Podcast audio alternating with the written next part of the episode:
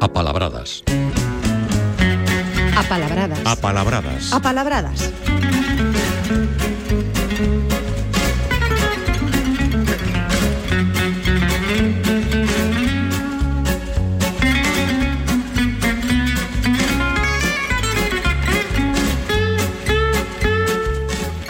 As apalabradas que nunca, nunca faltan a súa cita. Paulino Novo, moi bons días. Que tal, bons días. Estaba pensando eh, na semana pasada, logo de tanta calesa, de tanto coche, de tanta tartana, tanta tipoloxía automobilística, eu tamén me pregunto ás veces se a xente, supoño que te para para a rúa, non? Eh, pregúntache, Paulino, de onde sacas tanta información? Ah, as palabras está, as palabras días a xente, sabemos moitas máis palabras das que das que pensamos, están nos libros, né? están nos dicionarios.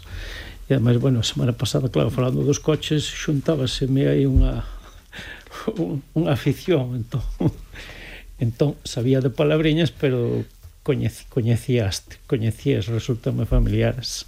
Pois imos, se parece, co menú que nos traes para hoxe. Para empezar, unha palabra moi antiga, que empezou significando loucura e acaba significando diversión. É folía. Ten algo que ver sí, con foliada? Totalmente, ten claro que ten que ver, sí. É unha palabra que eso, como, como ti dis, empezou significando unha cosa e acabou con outra. Claro, empezou coa loucura e acabou coa diversión, diversión ruidosa. Pero, bueno, hai contextos onde podemos entender que, que sepas que a diversión sexa media loucura. Entón, hai algo de relación hai que explica, efectivamente, que sexa así. É unha palabra antiga. En castelán xa aparece en Berceo. En Berceo aparece varias veces. E a palabra do, do, do galego, do castelán, do portugués, era moi usada na, na, na lingua medieval, con ese significado de loucura, aínda que tiña tamén o de parvada ou insensatez. E logo, como dixemos, pois pasa a ser festa, diversión, baile, e particularmente cando son ruidosos. E hai derivados, ademais de folía, que poden nos resultar raro, pero temos derivados que nos poden resultar máis próximos.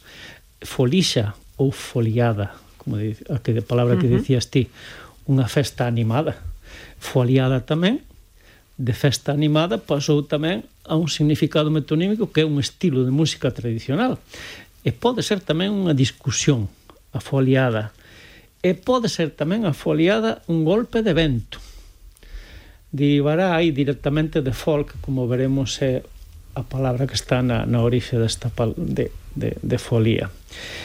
E tamén hai folixeira, igual que hai foliada para o golpe de vento, hai folixeira para unha nevada.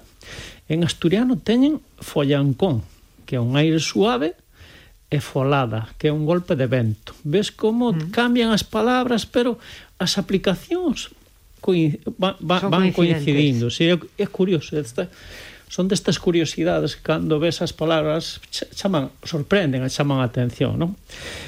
Eh, o que anda de diversión tamén temos palabras para el. Pode ser o foliadeiro, pode ser o folieiro, pode ser o folixeiro tamén. En castelán teñen folión para esta persoa. E folijo, que lle aplican concretamente o que non anda ben da cabeza. Eh? Eh, en portugués teñen eh, folián foliento, que se dedica a diversión. Temos estas, pero tamén o teñen en francés. En francés teñen folichon, que é festeiro, ou animado, unha persoa animada. E teñen tamén, que deriva da palabra que teñen, folie, que significa loucura. Mira como no francés tamén timo a mesma evolución. No francés estaba pensando precisamente o Folie Verger. Sí, eh, pues, eh, eh, non sei se si sigue existindo, pero era o lugar pues, onde as vedettes como Norma está. Duval triunfaban. Pois pues aí está, sitio de baile de diversión. E bueno, é palabra, é fácil que estea no francés, porque ao final é palabra que se toma do occitano ou do francés de, de folía, que era con significado originario de, de loucura, pero deriva de fol, for louco eh, no sentido o que dá o aire, como, algo así como ter aire, o que ten aire na cabeza, que está está louco. E o ter aire na cabeza, pois, compararía con, con o for. E, como digo, é unha palabra que na nosa lírica medieval era, era, era moi usado. Moi ben. Pois temos tamén, eh, Paulino, unha palabra, fusco, que usamos na expresión lusco-fusco a última parte da tarde, non? Ou a primeira da noite, con pouca luz. Pero vasnos explicar que, que se aplican máis a máis cousas, non? E que incluso se pode aplicar tamén ás persoas. Sí, xa verás. Iso é máis novedoso. É unha variedade, sí, porque eu creo que fusco, que nos resulta, bueno, coñecida a palabra, pero creo que sobre todo é esa expresión de lusco-fusco, non? O lusco-fusco que eso, cando a, esa parte do día que está xa perdendo perdendo a luz, non? eh, bueno, concretamente en latín, que era fuscus, tiña xa este significado, escuro, que despois pode ser dentro deste escuro pode ter gamas. En algúns dicionarios aparece pardo, noutros dicionarios ou noutras acepcións pode aparecer tirando a negro, pero en todo caso é algo oscuro, sin que corresponda a unha cor en concreta, aínda que sabemos que esas cores escuras, a negra, a negra simboliza eh, cousas negativas e cousas de mal agoiro, non? Temos falado dela, incluso ater, eh, que significaba tamén en latín grego, do que temos a palabra atroz, non? Como algo malo, negativo.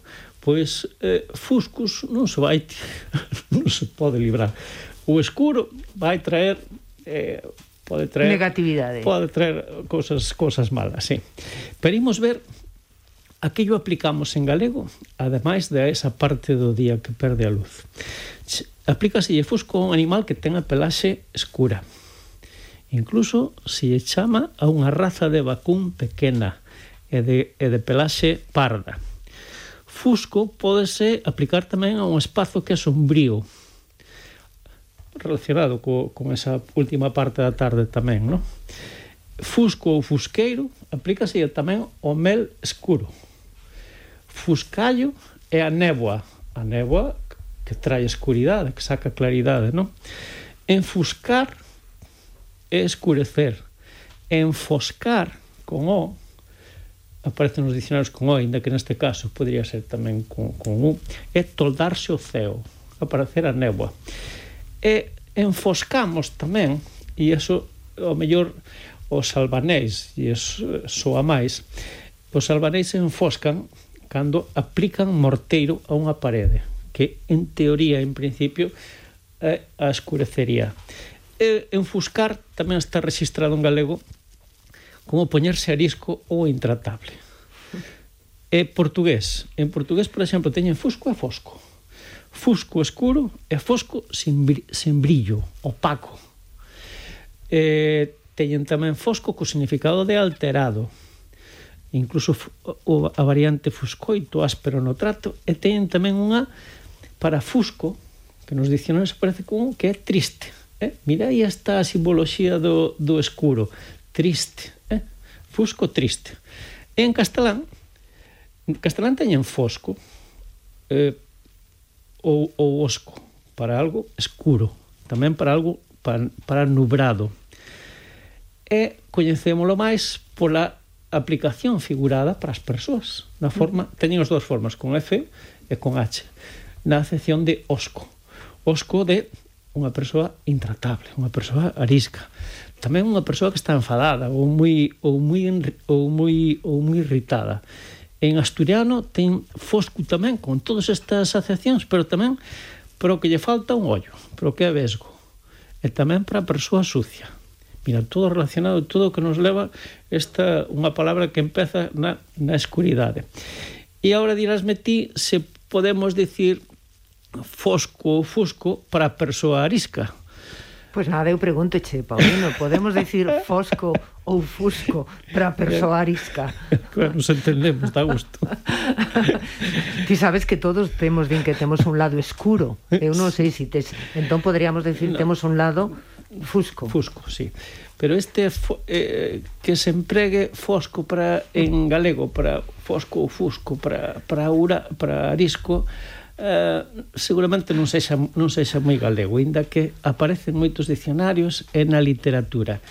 Pero en principio a forma propia do galego é fusco, con u. Mm eh, ese fosco, aínda que hai os Eu derivados. Aplico o pelo moitas veces, o pelo fosco. Bueno, pois pues mira, ves, ves. Así ves, como hoxe. aplicación, nova, ves, ves.